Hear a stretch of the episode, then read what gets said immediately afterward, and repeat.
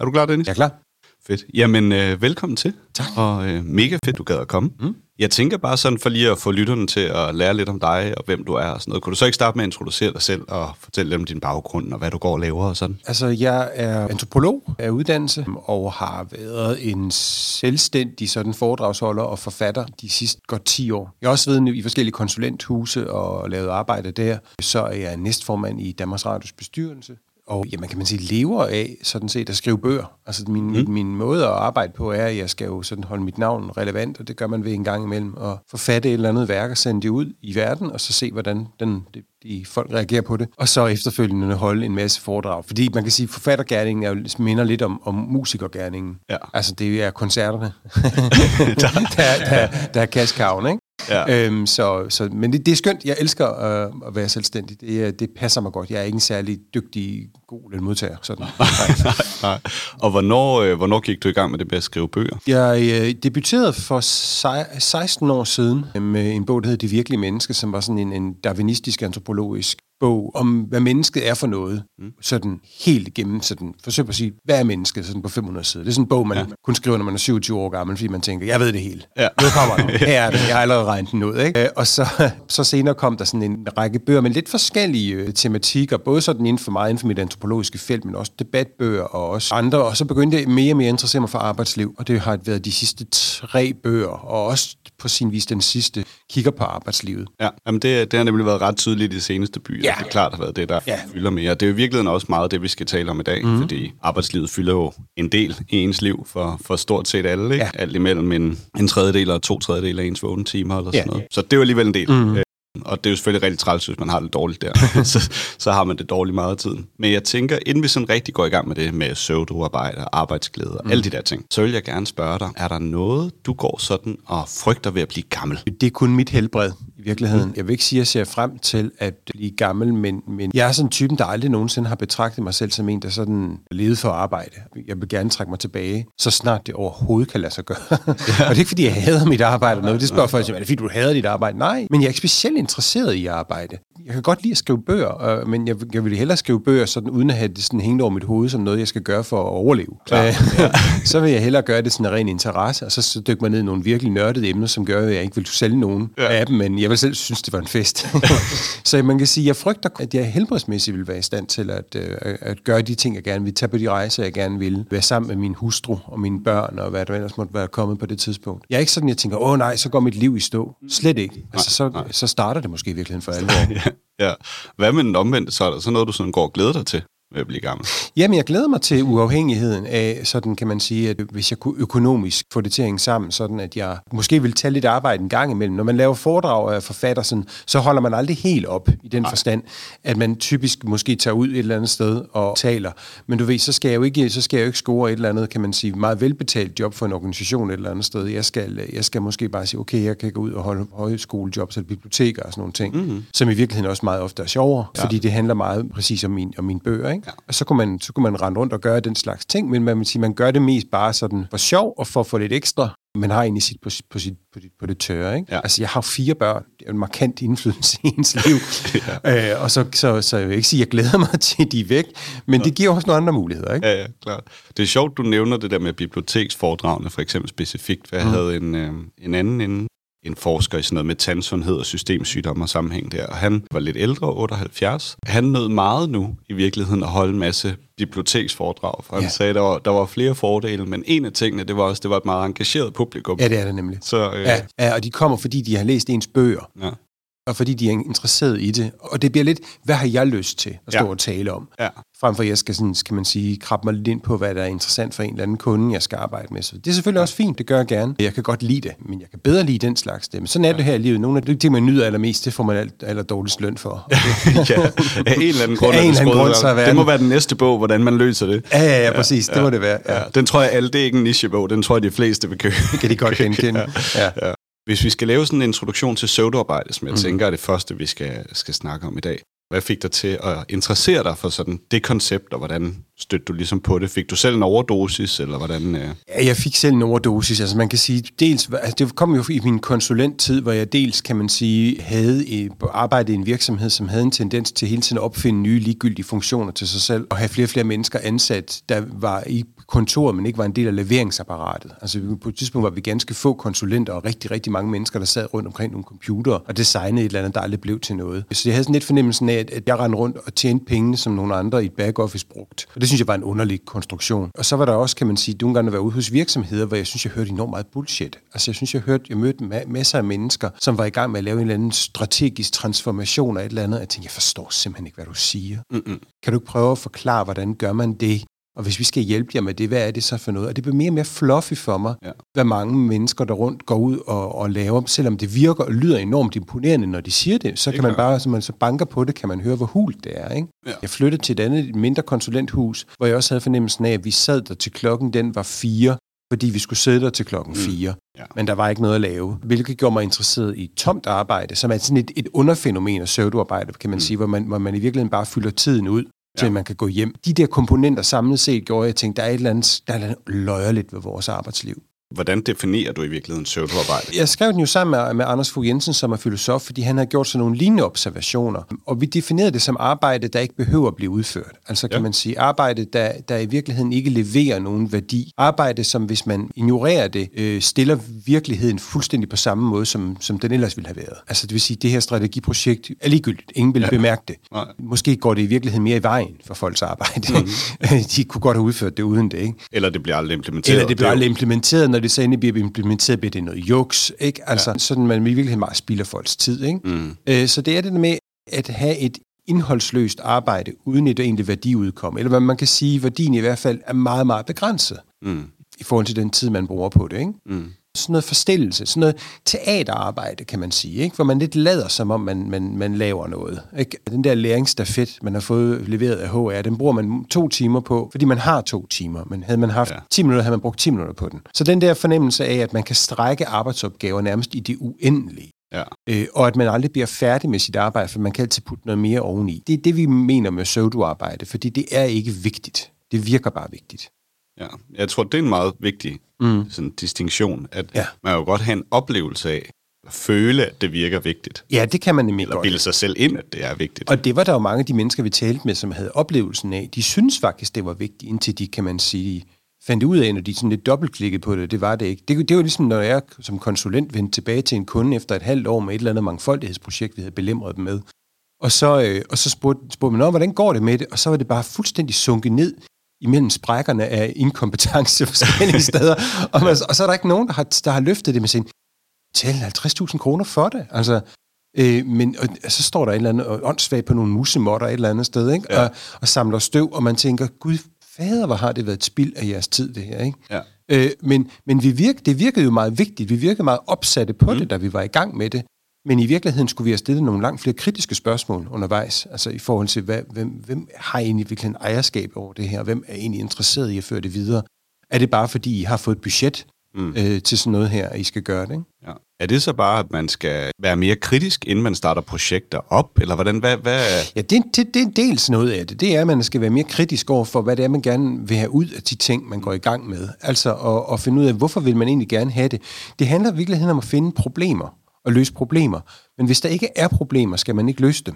Øh, og man kan meget hurtigt blive optaget, at man har et eller andet problem, som ikke er et rigtigt problem. Og, og, øh, og så går man i gang med at finde en løsning, som i virkeligheden er overflødig. Så det handler om virkelig at få en god analyse af de der ting, ja. øh, og, og virkelig blive kritisk over for det, og så skal du kunne forstå, hvad folk siger til dig. Altså noget af det, vi var gode til som konsulenter, var jo at få ting til at lyde meget imponerende, fordi vi, vi, vi flettede alle mulige mærkelige superord ind i det, ikke? Mm. som gjorde, at noget egentlig banalt lød meget avanceret. Særligt til den bog, der hedder Tilbage til arbejdet, være ude og undersøge, når mennesker sad med pseudoarbejde, hvorfor de fik det. Mm. Øh, og, og fundet ud af, at mange af dem jo responderede måske på jobopslag, hvor de knap nok kunne forstå, hvad der står. Ja.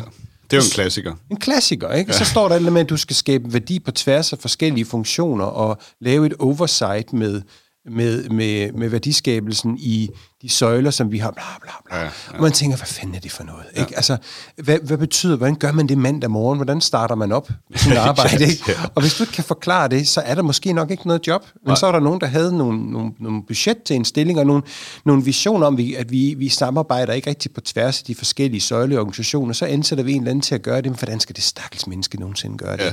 Ikke? Altså, så du, du, får nogle, du får nogle visioner, nogle, nogle gode intentioner, som du ikke rigtig i virkeligheden har ressourcer til at gøre noget ved, og så ansætter du et stakkels menneske, som bare ender med at indkalde folk til møder.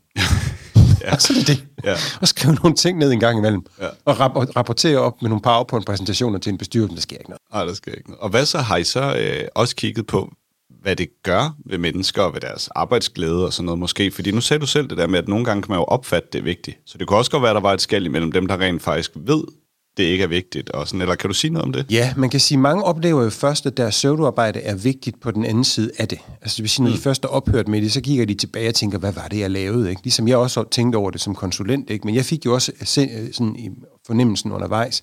Men rigtig, rigtig mange af dem, vi talte med, er gik ned med stress. Altså ja. mange af dem var, var gen, gevaldigt mentalt udfordret. Jeg kan huske, vi havde en enkelt, som virkelig gjorde indtryk på mig, som simpelthen lindte ind på den lukkede afdeling. Ja, okay. Fordi at, at det havde taget så hårdt på ham. Altså han sad i hans sidste job i sin store revisionsvirksomhed og sagde, jeg anede ikke, hvad jeg lavede.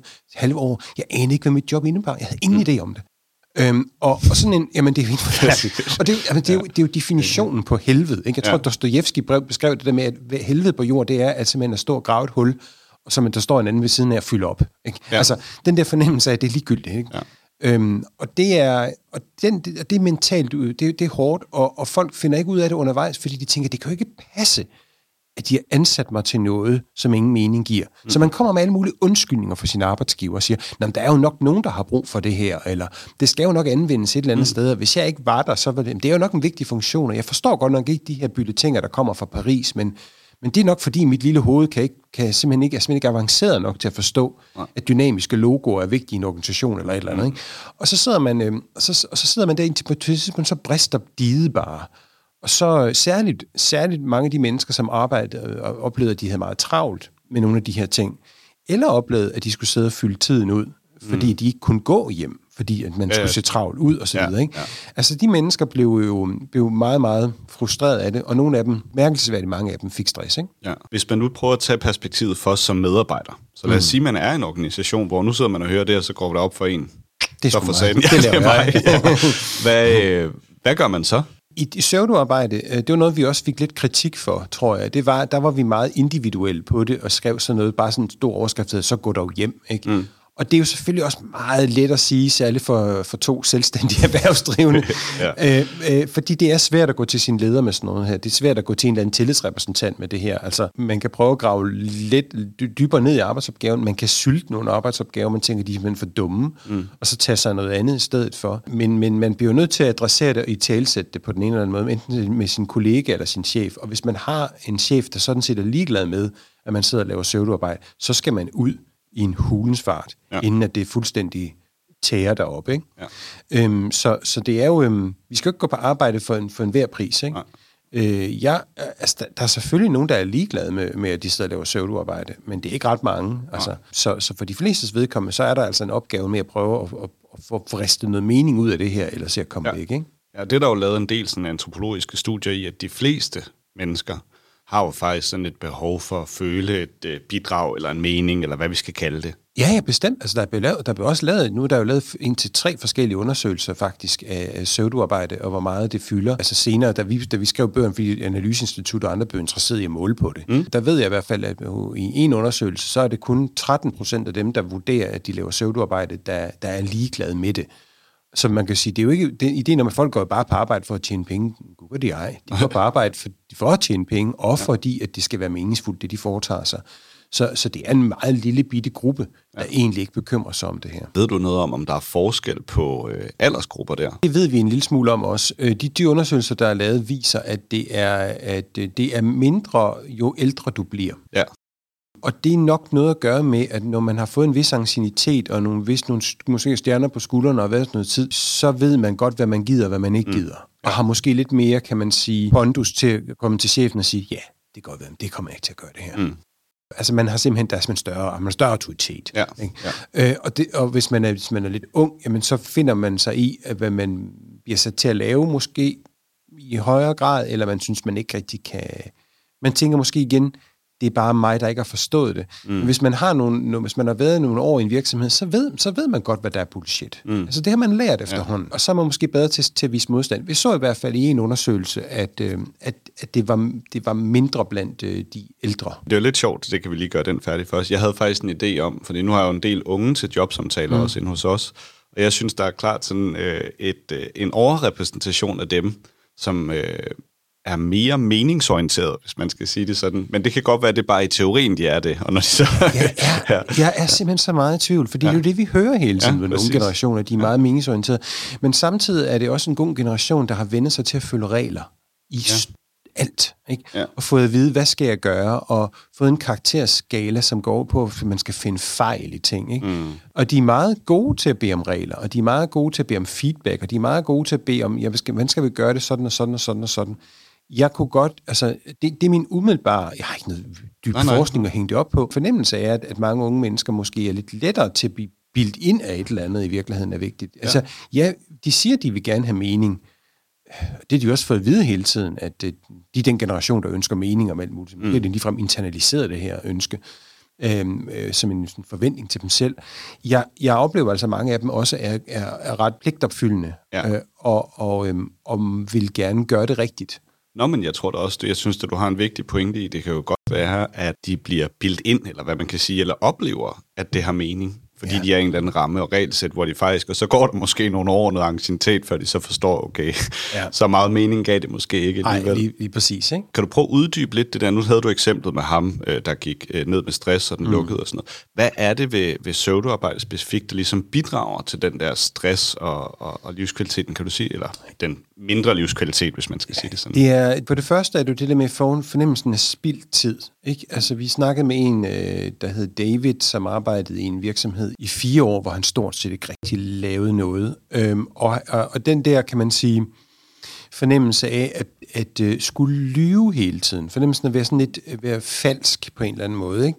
Øh, og være og blive sådan fremmedgjort over for sit arbejde. Ikke? Og det der med hele tiden tænke, er det mig, der er noget i vejen med? Jeg tror, det er noget, den, den følelse kan jeg virkelig se. Jeg, jeg modtager jo en guds velsignelse af e-mails fra folk, som har læst bogen, og det var bogen, der fik dem ud af det der type arbejde. Ikke? Ja. Og det er sådan nogle, det er sådan nogle som man som forfatter elsker at få, for de viser jo, at ens bøger betyder noget. Ikke? Ja. Men, men, men det er jo meget, det, det de sådan alle sammen tilkendegiver, det er den der fornemmelse af, jeg troede, det var mig, der var noget i vejen med i mange år. Jeg tænkte, det er, det er simpelthen mig, der er for dum. Mm. Det er mig, der ikke fatter det her. Øh, øh, indtil man pludselig finder ud af, at Gud, jeg er ikke den eneste, der har det. Så den der, det er den der fundamentale ensomhed i virkeligheden, og tabu. Mm. Øh, følelsen af, at man ikke kan tale om det her. Det betyder noget for folk. Ja. Øh, og så er det jo det der med, at man går glip af noget liv. Ikke? Jeg, jeg kan huske, der var en, særlig en ung mand, som, som ham der, der var indlagt på, mm. på den lukkede, som jo havde to børn, øh, som han... Øh, i virke, han var sådan en advokatvirksomhed, hvor der var en forestilling om, at man skulle blive der til klokken 5-6 stykker om aftenen. Det er meget normalt i advokatvirksomheder. Mm. Øhm, han sagde, der er jo fandme ikke noget at lave til så sent. Så han kunne jo se, at han kom hjem, han, han kom hjem til sine børn nærmest lige, hvor de skulle lægges i seng. Mm. Men han kunne ikke godt gøre, hvorfor de sidste tre timer, han havde været han ikke havde set dem, hvorfor de havde været med, hvorfor det havde været vigtigt, for det var jo ikke vigtigt. Mm. Ikke? Øhm, så, så det gør ham jo mere og mere vanvittigt over det her, ikke? Altså i bogstaveligste forstand. Ja. Øhm, så, så det er det der med følelsen af tabt liv, følelsen af den slags, og så skal man jo ikke undertage, øh, under, underkende, at når folk føler, at de ikke har nogen indflydelse på deres arbejdsliv, så bliver de typisk stresset. Det er jo ikke, ja. det er jo ikke vi har jo ofte sådan en forestilling om den stressede chef. Chef er ikke særlig stresset. Det er medarbejdere, der er typisk er stresset. Og grunden til, at, at medarbejdere er stresset mere end deres chef er det, det er fordi, de har ikke ret meget indflydelse. Eller de har mindre indflydelse. Det er jo det, det, det der er det fede ved at være chef, det er, at du har indflydelse. Mm. Øhm, og når du har, når du har søvnarbejde, så føler du dig magtesløs. Du føler ikke, at du, at du føler, at du bliver bedt om at gøre ting, som du ikke kan afværge. Du kan ikke fjerne det. Du sidder til det her møde og vil eksplodere, for du har en grund til, at du sidder der. Ikke? Du skal læse en mail endnu en gang, som ikke har nogen information. Du skal sidde og at lære et eller andet IT-værktøj, som du aldrig kommer til at bruge. Altså, den der fornemmelse af, at jeg bliver bedt om at gøre ting, jeg kan ikke sige nej til det, men det er åndssvagt. Det der med, med magtesløsheden, det ved vi fører til stress. Det vil jeg sige, der synes jeg faktisk, øh, apropos det med, med de unge, hvis vi mm. skal kalde dem det, øh, for nu har jeg jo både haft ansatte her og i mm. mit tidligere job og sådan noget, Og det synes jeg faktisk, der er måske en ting der, hvor at jeg har altid prøvet at dyrke enormt meget som leder og sige, prøv, I tager selv beslutningen. Hvis ja. du gør noget forkert, selv er vi. Vi ja. overlever nok. Ja. Altså, jeg laver også fejl. Hvis jeg tager beslutningen, så tager ja, ja. du den bare. Men jeg synes faktisk, der er noget, hvor at... Øh, der nogle gange kan mangle. Jeg ved ikke, om det er sådan en om det er det der med gerne vil gøre det helt perfekt 12 og jeg mm. ved mhm. heller ikke, om det altid har været sådan. Jeg husker ikke mig selv sådan som ung, nemlig jeg turde godt fejle, husker jeg, men det ja. kan man også ja. være indbilsk. Men, øh, men det er fandme nogle gange svært at få folk til så ture at tage ja. teten, ja. synes jeg. Fordi det er jo en af de udfordringer, jeg synes som arbejdsgiver, at jeg hører dig jo lidt sige, at man skal prøve at give øget selvbestemmelse og prøve at give øget frihed i arbejdslivet og sådan noget. Men har du nogen gode råd til, hvordan man så får overbevist folk om så rent faktisk at, at, at gøre det? Nej, det, er jo, det, det, er jo, det går meget ind i, i det, som er problematikken i min nyeste bog, Ufrihedens Pris, mm. øh, som jo også kigger på, hvorfor er det, vi, hvis vi får friheden, hvorfor er det, vi så ikke anvender den? Mm. Ikke? Øh, hvis nu der kommer arbejdsgiver, og fordi det hører jeg nemlig også tit fra arbejdsgiver, der siger, at jamen, okay, det er fint, at du prædiker frihed, frihed, men jeg kan ikke få dem til, til, til at tage den. Mm. Altså, øh, og så er det, man skal prøve at dykke nærmere ind, okay, hvorfor er det, de ikke tager den? Altså, hvad er det, de er nervøse for? Øh, er de nervøse for det der med at begå en fejl? Er de nervøse for, at de ikke leverer til en eller anden form for perfektion? Altså, øh, hvad er det? Fordi så er det netop, at de kommer og efterspørger flere regler, procedurer og ting og sager, øh, eller flere møder om det, eller mere feedback, eller sådan nogle andre ting, i stedet for bare at prøve, prøve det af. Øh, men vi skal også huske, hvis det gælder den unge generation, det er også noget, jeg beskæftiger mig med i Ufrihedens Pris. Vi har jo en, den mest kølede generation nogensinde, Øh, nu ved jeg ikke, hvor gammel du er, men altså... I, 35 Du er 35, ja, ja. Og det, du er sådan set... Jeg er 45. Altså, jeg husker i hvert fald min barndom, som er ekstremt øh, fyldt med frihed. Ja, det gøre. var det samme for mig. Jeg ja. tror, jeg er lige den sidste ende af det sidste, der... Sidste, der fik lov til at gøre, som du vil, som ja. børn, ikke? stort ja. set, ikke? Ja. Nå jo, men der var jo bare en, en anden opfattelse af, at når man, når man, du skal bare være hjemme, inden det bliver mørkt. Og så ja. gik man ned med en spand og et fiskenet øh, til åen, fangede nogle hundestejler, faldt i, kom hjem, Altså, og så, mm. nå, jamen der, sådan, hvor du ved henne, nå, men det var fint, ikke? Mm. Altså, øh, og man, man har jo sådan nogle roaming-studier i dag, der viser, at børn i dag gennemsnitligt får lov til sådan at gå omkring 300 meter væk fra der, hvor, de, hvor deres hjem er. Og det var jo kilometer yeah. øh, tidligere. Øh, så, så vi har jo nogle børn, som vi har beskyttet enormt meget. Børn i dag leger stort set ikke udenfor. Stort set ikke. Øhm, det gjorde vi jo, men fordi forældrene er super bange for, at de kommer til skade osv. Så, ja. så du, du har jo også opdraget en, en lang generation af børn til egentlig i virkeligheden ikke rigtig at tage noget initiativ til at, at, at fortælle dem, at verden er farlig, hvor den jo faktisk aldrig har været mindre farlig, end den er i dag. ja. øhm, altså, jeg, jeg prøver også i Ufredhedens pris at vise, at det der, hele det der, det der ledelsesparadigme, at lederen er en eller anden superheld, der skal lede og lede og lede og lede og lede, hvor de fleste mennesker egentlig burde være selvledende, Jamen altså, det er jo klart, det ledelsesparadigme har vi jo ført helt ind i børneværelset, ved at, ved, ved at sige, mor skal være til, far skal være til stede i alt, hvad du gør. Altså, forældre er jo også i dag til stede med deres børn på alle mulige tidspunkter. For eksempel, hvis man holder børnefødselsdag, så er der jo med 20 forældre til stede, og tænker, hvad laver I her? Gå nu hjem, jeg skal nok, vi skal nok ja. passe dem, så hente dem, når vi, når vi er færdige. Ja, ja.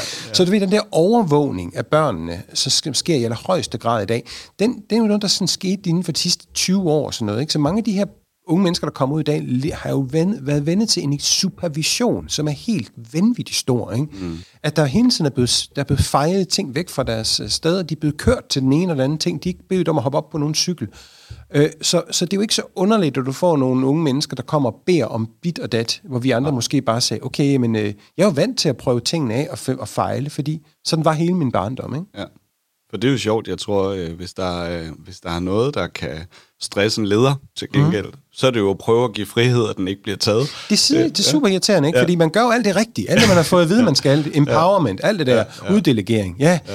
Men, men de, hvis de ikke tager den, ikke? Ja, ja. men igen, men lidt ældre medarbejdere vil måske gøre det, ja, fordi de vil sige, at de, jeg har erfaring, det tør godt. Ikke? Og du kan jo ja. altid finde nogen, der ikke tør at tage den, men så må man igen finde ud af, okay, er det så fordi, jeg er rekrutteret forkert? Ja, ja, klar. Ikke? Har jeg så fundet nogen, der faktisk ikke, ikke kan løfte den her opgave selv, og så må jeg jo finde nogle andre. Ja. Er der noget sådan forskel i organisationstyper og størrelser og sådan noget i forhold til det med pseudoarbejde? Jeg har jo selv sådan en eller anden teori om, at det er nok mest de store virksomheder. men men det er det, også nemt, den man... teori er også rigtig. Den er øh, rigtig. Ja, øh, det er et, øh, det ser ud til at være i øh, store private virksomheder, der er mere af det. Og det undrer ja. faktisk lidt folk, for langt de fleste troede, det var det den offentlige sektor, der blev mm. være mest ramt af det, fordi de ligesom, ja, man kan sige, de bliver ikke straffet i samme omfang for ikke at performe. Ikke? Øhm, så men, øh, men, men det er faktisk store private virksomheder, og det har noget at gøre med, at, øhm, det, er, det skyldes mange forskellige ting. Men det skyldes jo for det første, at kompleksiteten bliver større, derfor kan du også gemme dig lidt mere, kan man mm. sige, i en stor virksomhed. Du kan... Øhm, det, det er mere usikkert og mere utydeligt, hvad folk i virkeligheden laver. Du kan, du kan mere gå under radaren i virkeligheden også med nogle, med nogle, nogle ting.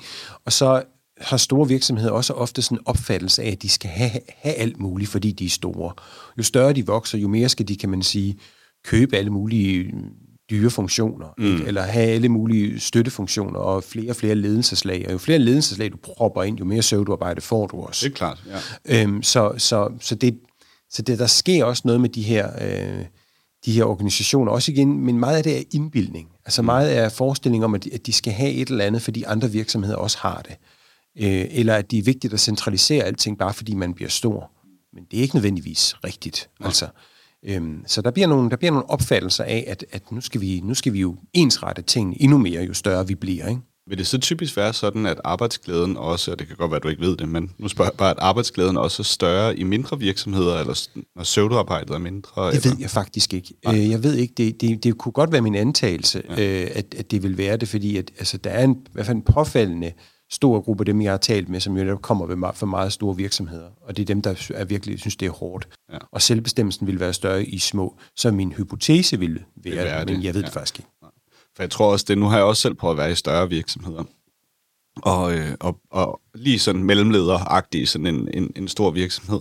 Og en af de ting, der faktisk var til enormt stor frustration for mig, kan jeg huske nu, det er mange år siden så, men, men det var jo det der med følelsen af, at jeg havde jo alligevel en del, været fire ledelseslag over mig, eller fem ledelse, mange, mm. mange ledelseslag over mig, følelsen af, at vi blev påduttet arbejde, der ikke gav mening. Altså ja. det kan jeg huske at sidde til leder, og ytrede frustration omkring, fordi ja.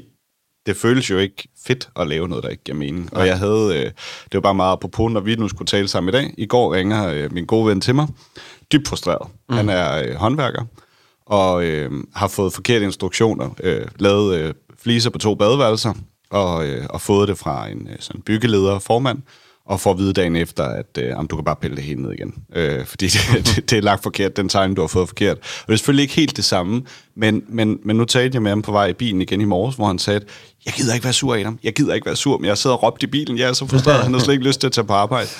Og det er jo ikke så langt fra søvdearbejde, nej, fordi nej. det er jo den samme følelse. Øh, Jamen, det, det, det, det er det jo sådan set, det han ja. har udført der, ikke? Altså, ja. fordi det er jo, det, det, det skal laves om, så det, ja, det, det er spild af tid, ikke? Ja. Øh, jo, og det, det er det der med at få ordre, man ikke, man ikke, øh, man ikke kan se nytten i, ikke? Ja. Øhm, altså, der er mange... Øhm, jeg havde sådan et, en af mine yndlingseksempler, var sådan en, en, øh, en kvinde, der fortalte mig, at hun var sådan en kæmpe stor global kosmetikkoncern, ikke? hvor hun mm. skulle sende, de skulle sende sådan en årlig rapport til sted til et hovedkvarter i Paris, ikke?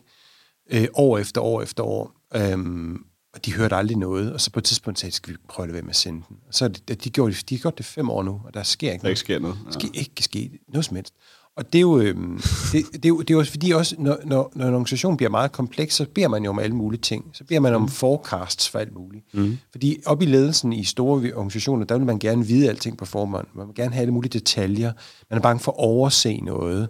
Og igen, jo længere man, jo flere ledelseslag du bygger ind, jo længere kommer du fra produktionen. Det vil sige, jo mere behov, har du behov for at lære om produktionen igennem tabeller og Excel-ark og, og forecasts og øh, altså, øh, øh, kan man sige, oversights med, hvor meget, hvor meget hvor, hvor compliant er vi i forhold til det og det og det, og du ved. Sådan, og, og, og i stedet for bare i virkeligheden at sætte projekter i gang, så skal vi monitorere dem og følge op på dem. Og så, ved, så det bliver meget komplekst, ikke? fordi du ikke rigtig går dernede. Så, så med, med øgningen af distancen derop til ledelsen, jamen, så vil der også ofte blive flere krav. Ja. Øh, fordi at, at man simpelthen ikke aner, hvad der foregår.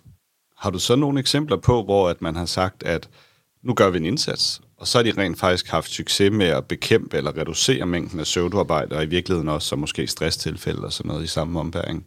Ja, jeg har jo dels mine sådan, egne sådan, anekdotiske historier fra, når jeg er ude og, og tale med folk, ikke? Og, og ser, hvad de, når de gang med prøver at rydde op i nogle af de her ting.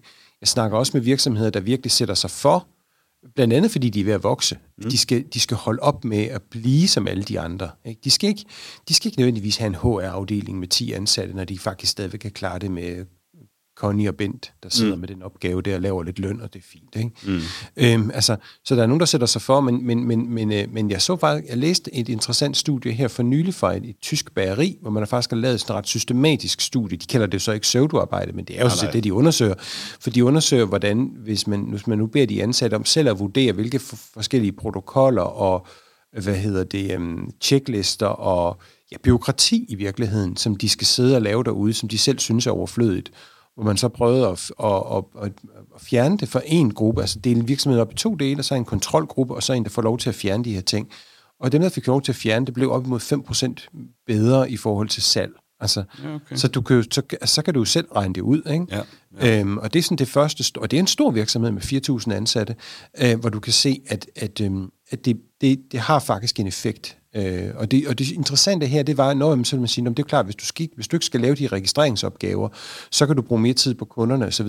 Men, men det var ingen, man så faktisk ikke nogen sammenhæng mellem dem, der brugte mest tid på registrering, og så det, det. Så det tyder på, at det simpelthen bare var, fordi det var fedt at gå på arbejde. Ja. Det var sjovere at gå på arbejde. Man følte, man følte, at man blev talt op frem på talt ned. Man følte, der var en tillid til en. Man mm. voksede simpelthen på en måde, der gjorde, at ens overskud sikkert også blev bedre osv. Så det var, ikke, det var ikke tiden, der blev brugt anderledes. Det var simpelthen fordi, at der, du får mere ud af dine ressourcer, når de ansatte oplever, at de ikke bliver behandlet som børn.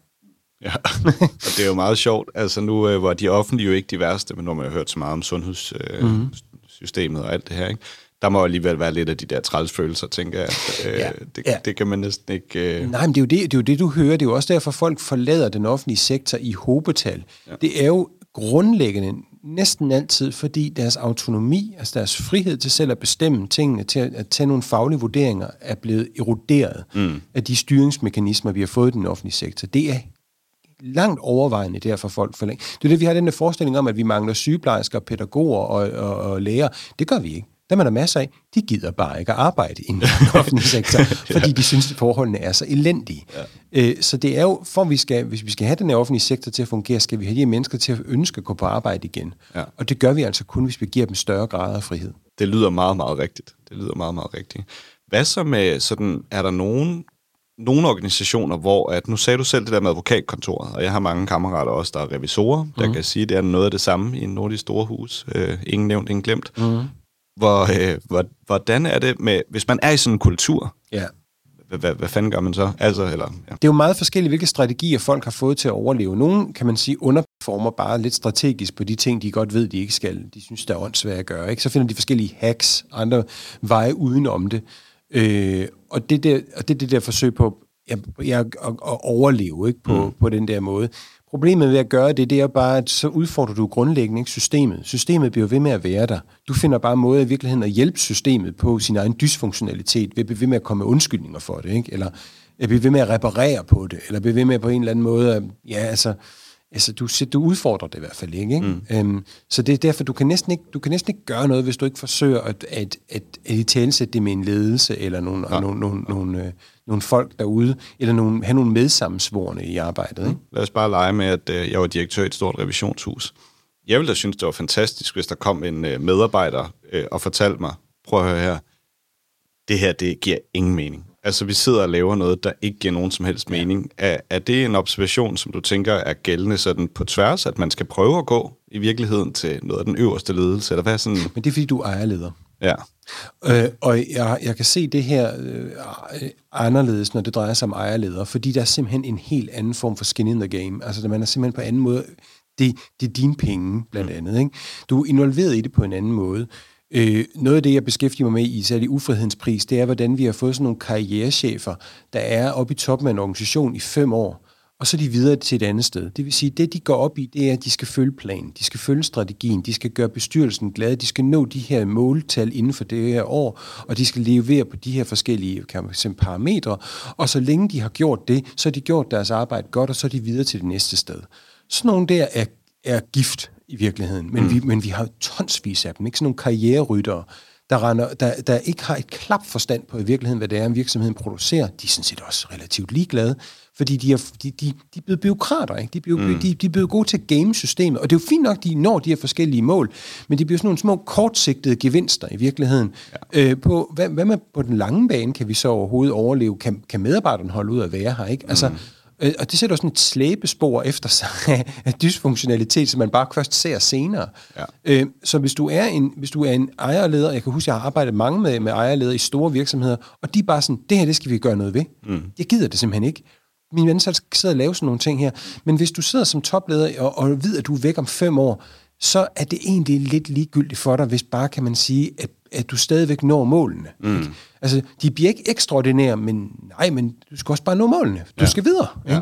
Øh, og, og jeg ved godt, det lyder lidt kynisk, men, men, men var meget inspireret af en, en bog af to forfattere, der hedder The Innovation Illusion, der, der beskriver det der fænomen om, hvordan i virkeligheden mange, mange virksomheder er blevet sådan noget, du ved, Jamen altså, øh, de, de er egentlig lidt dysfunktionelle, men det gør ikke rigtig noget, fordi alle de andre store i branchen er lige så dysfunktionelle. Altså, mm.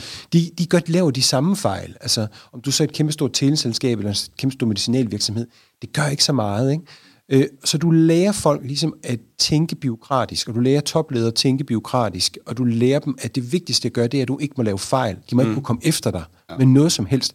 Bare performe inden for det, du... Øh, du skal ikke overperforme, du skal bare, du skal bare nå målene. Og det, så er det videre. Det der har været et fænomen, som har generet mig hele mit arbejdsliv, det der ja. med, du, skal ikke, du behøver ikke gøre det rigtigt, bare du ikke gør noget forkert. Ja. Det synes jeg er et fuldstændig Og det betyder, at du tager fænomen. ingen risici. Ja, du, gør ingen, du, får, du får sådan nogle risikoaverse typer, ja. som, som igen, de vil meget hellere tale med compliance-afdelingen ja. end med R&D-afdelingen. Ja, fordi præcis. det, der er interessant, det er, at vi må ikke, vi må, vi må, de må ikke kunne fange os i noget. De må ikke Nej. kunne fange mig i noget. Fordi min, min, min, min opadstigen til endnu et nyt toplederjob vil blive forhindret af det.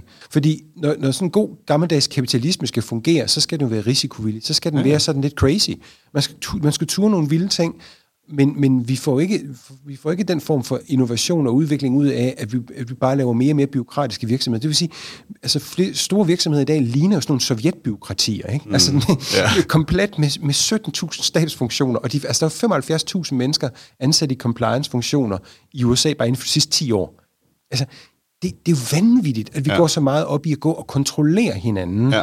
Øh, og, og øh, selvfølgelig er der en masse lovgivning udefra, vi skal følge, men vi følger også, der er en masse lovgivning, vi selv finder på. Ja, ja. Virksomheden ja. finder også selv på alle mulige regler, den skal, den skal overholde, ikke? Øh, fordi den er så sindssygt bange for, for fejl. Øhm, og det, øhm, det skaber jo ikke øh, nogle, nogle vibrerende, interessante organisationer. Det skaber Nej. kæmpe store funktionelle byråkratier. Ja.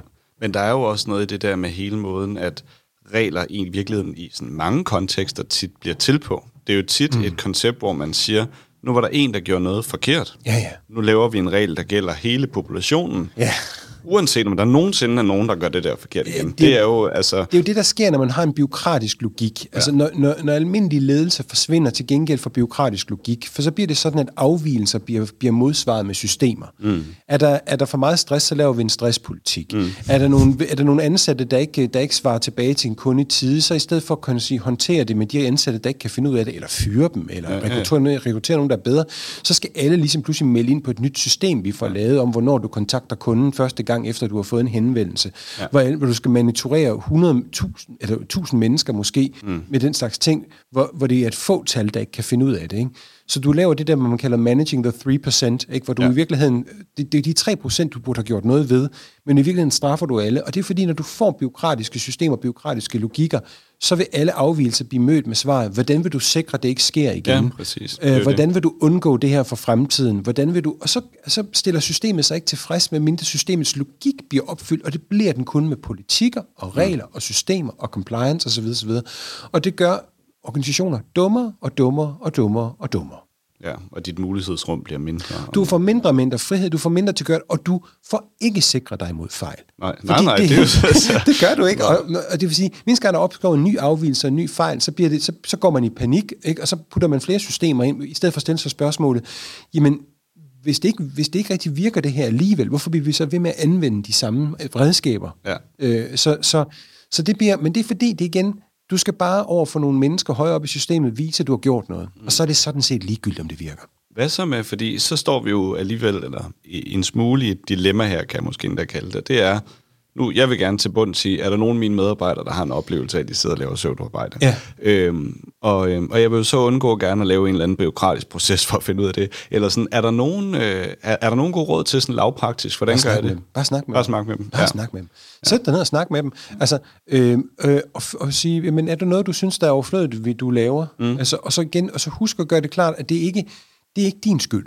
Nej, nej, det er altså, min skyld. Det, det, det, det er faktisk din Ja, skyld. ja. Det er fordi, der er noget i systemet, der genererer det her. For de fleste mennesker ønsker egentlig ikke at sidde og komme til at lave det her. Øh, Så igen, er der noget, der i virkeligheden, du slapper af med?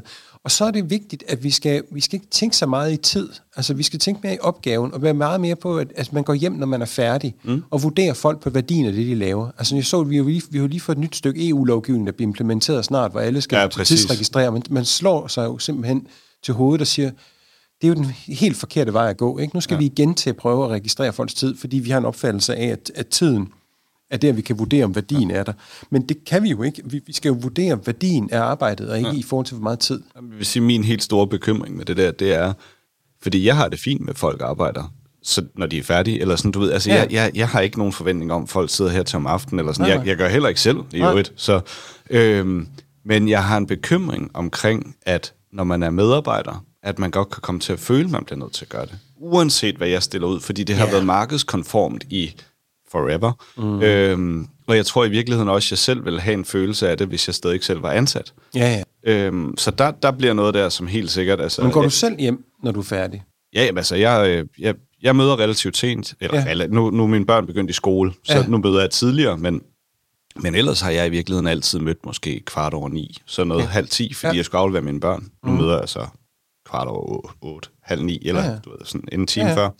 Og, øhm, og jeg går som regel mellem tre og halv fire, fordi jeg skal hente mine børn. Ja, og så, du ved, og hvis jeg har brug for at lave noget, nu i går aftes, mm. øh, der havde jeg lige brug for at klippe noget podcast, så sad jeg og gjorde det, men jeg prøver at lave noget enten, enten fordi nogle gange er der noget, jeg skal selvfølgelig, men ellers prøve at lave det så lystbetonet som mm. muligt, og, øh, og det er, altså, det, jeg arbejder aldrig 50 timer om ugen, eller som, øh, og vi har været meget bevidste om det, mig og Morten, fordi hvis du er øh, hvis du er leder, og du kommer til, hvis du siger til folk, det er okay, du ikke arbejder meget, mm. men du samtidig selv arbejder 60 timer, Så virker det ikke. så, så er det rigtig svært. Ikke? Ja. Så, så jeg vil jo også gerne vise, at det, det er helt okay. Og, ja. øh, og jeg arbejder også hjemme en gang imellem. Jeg arbejder nok mindre hjemme, end nogen andre vil. Men det er mere, fordi jeg har ikke noget hjemmekontor. og Sådan noget, så jeg synes, det er træls. Ja, ja. Men jeg har ikke noget imod, at andre gør det. Altså, Og så gør du egentlig det rigtigt, fordi øh, de ansatte vil altid emulere et eller andet, det man, det man, det man, det man gør, ikke? Det er jo ligesom at være forældre. Uanset hvad du siger til dine børn, det gør kun det, du gør. Præcis. Og derfor så, det- så man er under observation som leder 24-7, ikke? Øh, og, og derfor så er det meget ved det, man gør, som, som, som det bliver afspejlet i. Så det, så det er den ene ting. Og så kan man sige, netop prøve at signalere, at det er ikke det er værdien, det er ikke arbejdet, mm. det er ikke tiden, der er vigtigt. Øh, så kan du selvfølgelig altid få nogen, der, der sidder alligevel rigtig længe, og så ved man, det kan være, de kan lide deres familie. Der kan være, Ja, ja. der kan være en mulig grund til, at I sidder ja. Ja. der længe. Og det er klart, det skal, man det skal man så heller ikke bestemme over. Så må man regne med, okay, nu har jeg lagt det til rette på en sådan måde, at nu. Igen, du er et voksen menneske. Om jeg tænker, målet er jo, at medarbejderne har det godt og er glade, og der er jo også nogen, altså i, i mit tidligere arbejdsliv har jeg også været glad for at arbejde meget, mm. fordi det var noget, jeg var passioneret omkring, Ja, præcis, og, præcis. og jeg havde ikke nogen børn. Det er jo heller ikke et mål i sig selv at arbejde mindre. Det er et mål, nej. at vi skal arbejde sådan, at vi synes, at vi har fået noget for hånden. Vi kan være stolte og tilfredse med, at vi har udført vores arbejdsopgave. Og for nogen er det, er det 50 timer. Øh, og for, og, og, og, altså, hvis, de, hvis, de, hvis det er 50 timer med noget, der burde tage mindre tid, så er det fordi, de ikke er dygtige nok. Typisk. klart, ja. Ikke? Og, øh, eller så overperformer de på et eller andet. Og det skal man jo altid finde ud af, hvorfor er det, det tager så lang tid for den her medarbejder, eller har vedfor, vedkommende fået for mange arbejdsopgaver. Der kan alle mulige grunde til det. Ikke? Ja. Øh, men igen, vi, vi skal igen se på, hvad er det for et output, vi laver. Øh, altså, og det er det, der er det væsentligste at måle på. Mm. Og så skal vi, øhm, og så skal vi have den der snak med vores ansatte, altså hvad de synes, øh, som ikke igen sætter skylden over på dem, men på organisationen, mm. Prøver at, re- at rette det ud. Altså jeg, jeg, gav, jeg lavede den her øvelse, som, det var også det samme, som det der bageri gjorde, de spurgte mm. bare medarbejderne, ikke? Og der var selvfølgelig en ledelse med det samme, da de fik at vide, at vi skal, de her lister skal fjernes, og så går ledelsen, som den altid gør, i panik og tænker, nej, nej, nej, nej, mm. det går galt. Så får de ikke sat de der donuts på den rigtige måde i rammen, og så får de ikke talt kassen op, og så får de ikke det og det og det og det og det. Og det skete jo ikke, fordi at, at, at nogle gange så er ledelsens mistro til de ansatte altså ubegrundet. De er mere kompetente, end man lige umiddelbart tror, hvis ja. man har ansat de rigtige. Klart, ja. Okay. Hvad sådan med, på sådan et øh, personligt plan for den enkelte, er der så sådan nogle gode vaner eller strategier, man kan implementere for at undgå søvnarbejde? Altså har du selv nogen, du bruger, eller er ellers er også nogen, du ikke bruger? Men bare... Jamen det er jo det der med at prøve at følge op på nogle ting og finde ud af, om det har virket, ikke? om det har haft nogen effekt, øh, om, øh, om, om, øh, om der er noget output øh, senere. Ikke? Altså, mm. det, det, øh, det, det, det, det er ret væsentligt. Altså, øh, og så en gang med prøve at forsøgsvis at lade være med at gøre noget. Ligesom de der folk, der lå ved med at sende den der rapport til, til, til, til Paris, ikke? Øh, lad være med at læse en eller anden mail, man alligevel har en fornemmelse af, ikke er vigtig, eller, eller boykotte et eller andet møde, man siger, at jeg får aldrig noget ud, som helst ud af det. Ikke? Altså, så det der med i det små at gå og tage nogle, tage nogle ting ud, mm. øh, øh, og simpelthen bare ignorere det, øh, fordi det, det virker håbløst og så videre. Det, det, kan man, øh, det kan man måske med, med stor succes gøre. Det synes jeg faktisk var en meget god, øh, god point. Hvordan gør du så det i dit eget? Eller gør du det? Jamen, jeg, jeg er ikke så plaget af det, fordi jeg er selvstændig. Altså, jeg har jo selvfølgelig, i, i min, øh, jeg har jo selvfølgelig Danmarks Radio, som jeg også øh, jo er selvfølgelig er, er dybt øh, engageret i, ja. øh, som en del af ledelsen der. Øh, og der kan man sige, der er opmærksom på øh, hele tiden, altså hvad det er, vi også laver, ikke? og hvordan, hvad, hvad, hvad historier, der kommer øh, ned fra gulvet, øh, fra, øh, altså, fra, fra medarbejdere, øh, det så meget, man nu kender, når man sidder i bestyrelsen øh, for en organisation. Ikke? Øhm, så, så jo, det, jeg, jeg, er det, jeg er det selv. Altså prøve at skære ned på møder. Jeg prøver for eksempel virkelig at undgå at holde møder med nogen som helst. Altså, mm. øh, altså også så kunder og så videre også, for at sige, men altså, hvad skal, hvad skal vi mødes for? Altså, mm. øh, kan vi ikke beskrive en mail, eller kan vi et eller andet ja. andet, ikke? Øh, fordi det, det, det meste kan sådan set ordnes på en, en, en enklere måde. Ja, og det er jo meget sjovt det der, fordi det er jo ikke, fordi man ikke har lyst til at mødes med nogen. Vi har også været meget bevidste om at prøve at skære dem ned, og vi har stadig ikke alt for mm. mange, skal jeg lige hele tiden sige, mm. så vi er ikke i mål nu. Men, øh, men det er jo meget sjovt, for jeg tror, den oplevede værdi for begge parter, Mm. Så det er ikke kun sådan en subjektiv mig-ting, mm. men jeg tror for begge parter, der er den oplevede værdi nok ret begrænset. Øhm, ja, ja. Så det er det. Og det er jo lidt det der med sådan at prøve nogle gange at sige, altså hvorfor gør man det i virkeligheden i alt, hvad man gør i sit liv, ikke? Fordi jo. hvis det er, at man har et eller andet ønsket outcome, som er, at når man nu øh, vi skal have et øh, pissefedt møde, så, jamen, så er det jo så fint nok, og så hygger man sig. Hvis ja. det, men det er meget sjældent, det er det der målet med et møde. Ja. Så, så, jeg, havde, øh, jeg, havde sådan, jeg havde en kunde, som virkelig, virkelig var rigtig heavy på, at gang man skulle ud og holde oplæg for dem, så skulle man have tre møder for inden, ikke? Med et eller andet, og det var sådan virkelig også en stor organisation, som var ekstremt risikoavers, ikke?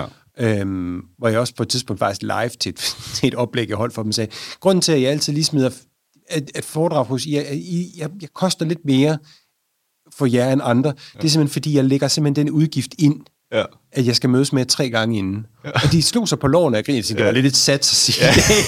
ja. men, jeg sagde, men de slog sig, og de tænkte, ja, det er rigtigt, det gør vi jo. Ja. Altså sagde, men prøv at høre her, jeg holder 100 foredrag om året. Ja. Altså, vi kan sagtens tale om, om øh, øh, grundlæggende, jeg, jeg har forstået, jeg har holdt simpelthen så meget, for jeg kender jer godt. Ja. Øh, så det er simpelthen unødvendigt at sidde ja. og, og og I skal, I skal ikke sidde og gennemgå mine slides, og sådan ja. noget på, fordi det er, der, bagtrummet, der er styr på det. Og skulle ja. der være en, en stavefejl på slide 62, så er jeg sikker på, at vi kommer herfra med helbredet i behold. Ja, præcis, præcis. Det er den der sådan perfektionisme, der nogle gange kan være i de der organisationer, som... Du bruger 20, 80 procent siden, siden på sidste 20 procent, ja, ja, og det er så åndssvagt, ja, ikke? det er det. Øh, I stedet for ja, bare at sige, fordi de fleste ikke, altså de, de, de fleste vil alligevel altså være helt i mål for alles forståelse ved de 80 procent. Altså ja, ja. sådan, der, der er ikke nogen, der, eller det er et få tal, der bemærker, og, og man er ligeglad alligevel. Ja, altså, ja. Det er jo, det, så det er præcis det der, det, det virker så åndssvagt. Mm.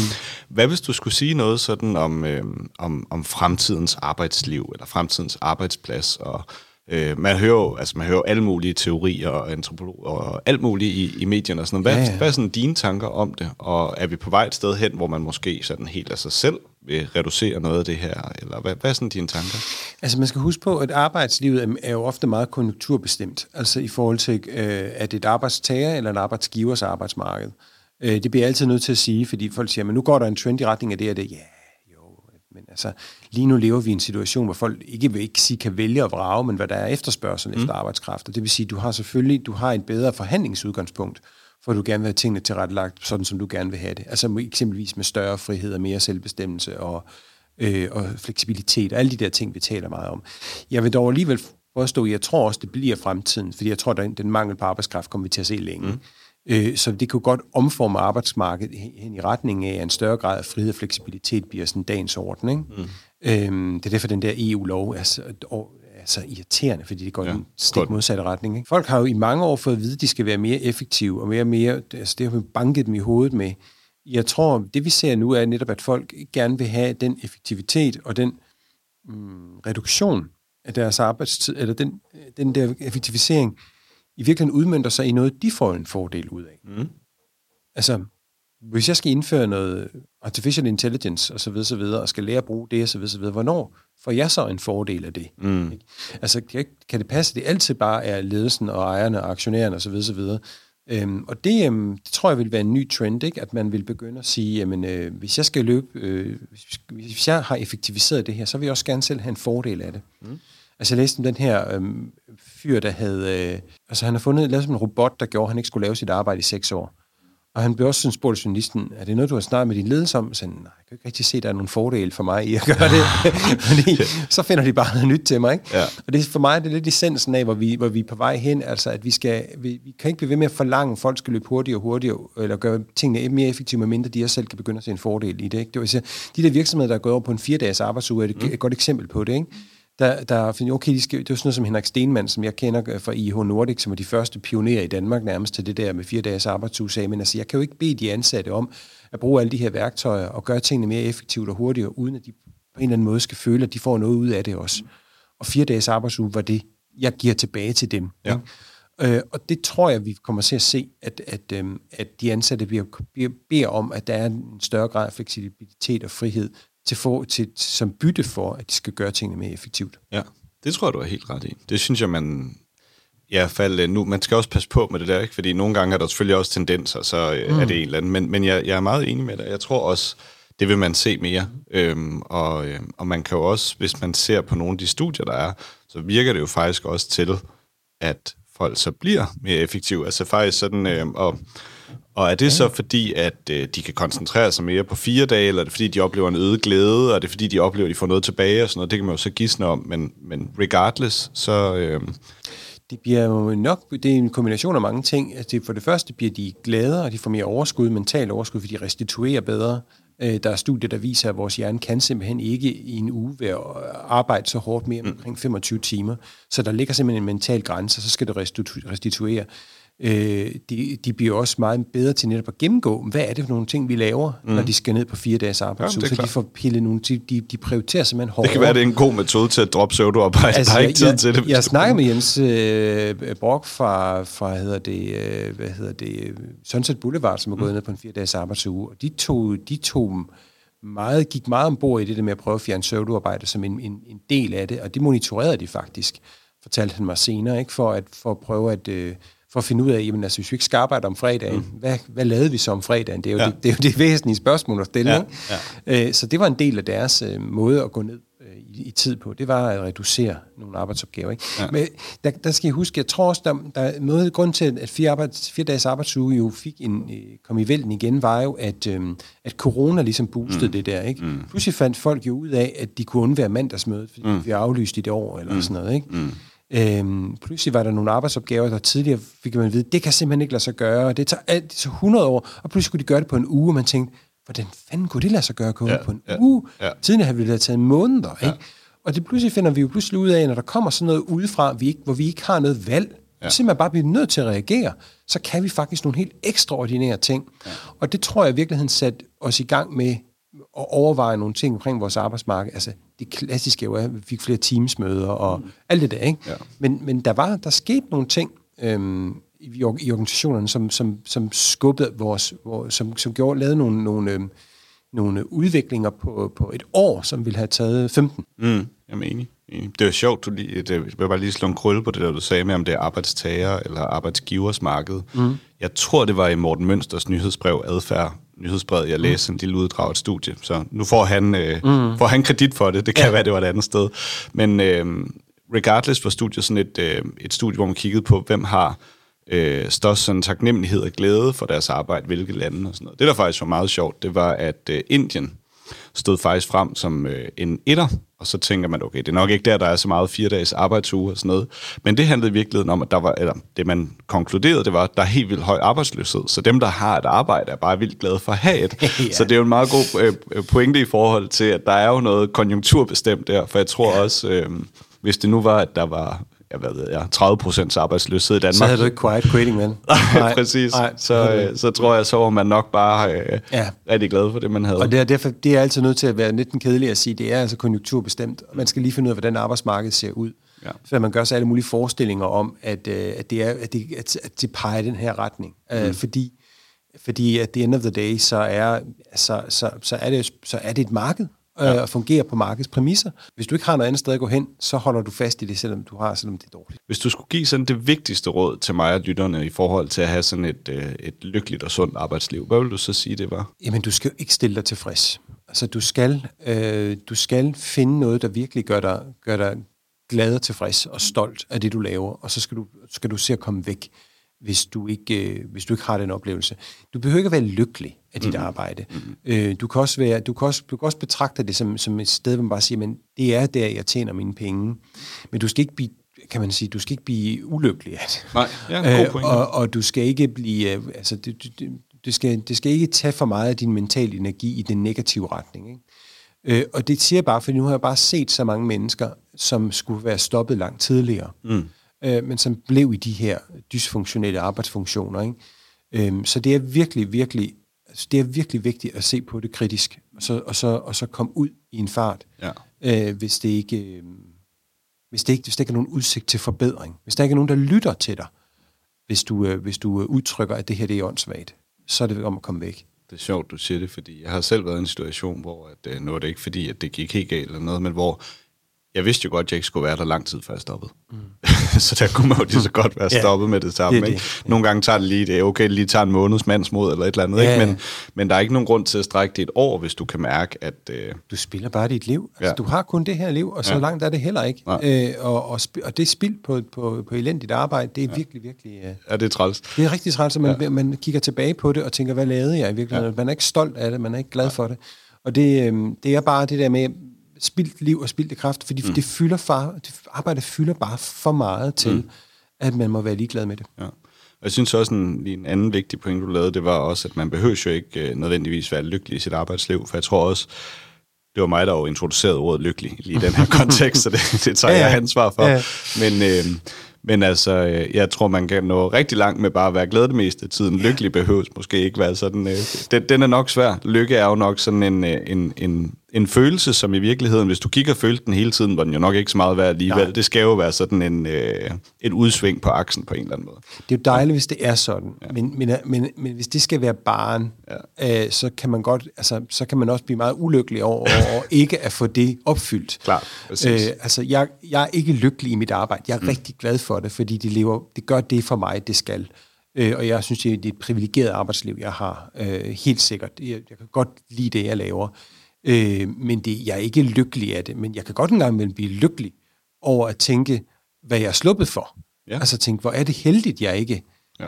arbejder på den måde, som jeg, jeg snakker med mine gang. venner og familie. Man hører nogle af deres situationer og tænker, ej, det er jeg lykkelig for, at det ikke er mig. Hvis vores lytter nu vil gerne læse lidt mere om dit arbejde, eller nogle af dine bøger, eller sådan noget, er noget, du lige vil highlight der? Som du ja, nu vil jeg selvfølgelig highlight min nyeste bog, mm. Ufrihedens Pris, kom her i oktober måned. Det er det nok det mest ambitiøse, jeg tror, jeg nogensinde har skrevet. Jeg tror, jeg den jeg er gladest for, mest ja. tilfreds med, fordi jeg har virkelig forsøgt øh, at slå et stort brød op med den. Det er også en stor bog, men det er et forsøg på at argumentere for netop nogle af de ting, vi også har talt om her, netop om, at hvor stort det potentiale, der faktisk er i at bestemme ting selv. Ja. Men nu, når du også kom ind på det der med, men hvad hvis de ikke vil? Øh, og det er faktisk det, bogen undersøger. Hvorfor er det, vi nogle gange ikke vil? Hvorfor er det, vi vi, vi øh, løber imod vores lænker, som Rousseau sagde det. Altså, ja. hvorfor, er vi ikke, hvorfor tør vi ikke nogle gange at være frie mm. i, i, og, og udfolde os selv? Hvad er det for nogle historier, vi fortæller hinanden i samfundet og på arbejdspladsen, i familien også, apropos, ja. øh, som gør, at vi ikke tør udfolde os? Så det er et stort, ambitiøst værk om, om potentialet i selvbestemmelse, øh, og det, der forhindrer os i at nå derhen. Og jeg, jeg glæder mig rigtig meget til at læse den. Som jeg sagde til dig inden, så er det en af dem af dine bøger, jeg ikke har noget at læse inden. Mm. Øh, men øh, nu har den jo heller ikke været ude så længe. Nej, og, øh, og den er lang. og det er langt. Okay, ja. det er jeg ikke engang nået til nu. Men guderne vil vide, jeg har læst lidt mange bøger på det sidste, for lige at komme sur med det her projekt. Det er klart. Så jeg har ikke nået den endnu. Men, men jeg vil glæde mig til den, så den helt oprigtigt. Det, det glæder jeg mig rigtig meget til. Super. Øhm, til aller, aller sidst, øhm, er der, eller hvad er i virkeligheden så det, du er mest bange for at have fortrudt, når du bliver gammel i, øh, i det liv, du så kommer til at have? Og det er altid sådan noget, man så sine børn nok, og man var der nok for dem i de år, hvor de havde brug for det, og så videre, så videre. Ikke? Og man har svigtet nogen der, og der kommer en eller anden bagefter og siger, du var der aldrig, far. Sådan noget i den stil, ikke? Er, går- er du bange for det? Ja, altså fordi jeg kan godt, altså jeg har også været fraværende en del. Jeg har også en skilsmisse bag mig og sådan noget. Ikke? Jeg har også været nogle tidspunkter, hvor jeg ikke var der i tilstrækkelig grad, fordi mm. jeg var arbejdet øh, for meget. Mm. Øh, så videre. Så jeg, men jeg synes, jeg har opnået den balance bedre i dag, og henter dem tidligt og sådan noget. Mm. Men det, det kommer med dit, mit arbejde, at der er mange internationale, og mm. jeg, jeg taler meget i udlandet også, fordi mine bøger er udkommet på øh, fire forskellige sprog. Um, så så der, er- der er noget der også. Ikke? Øh, Men, øh, men, men det der med, at man har svigtet nogle af dem, man holder af, men man så det ikke, Mm. det er, det er altid det værste. Og jeg tror, det er jo grunden til at spørge alle om det her, det er jo fordi, man kan jo lige så godt prøve at lære af det på forhånd. Ja. Altså, fordi jeg kan jo også allerede mærke nogle af de ting, hvis man allerede nu tænker, mm. det her kunne jeg godt komme til at fortryde, så har man jo chancen for at gøre noget ved det. Mm. Øh, så, men ved du hvad, Dennis, det var kæmpe fornøjelse. Tusind tak, fordi du gad at være med. Det var en fornøjelse. Tak. Det er godt. Tak.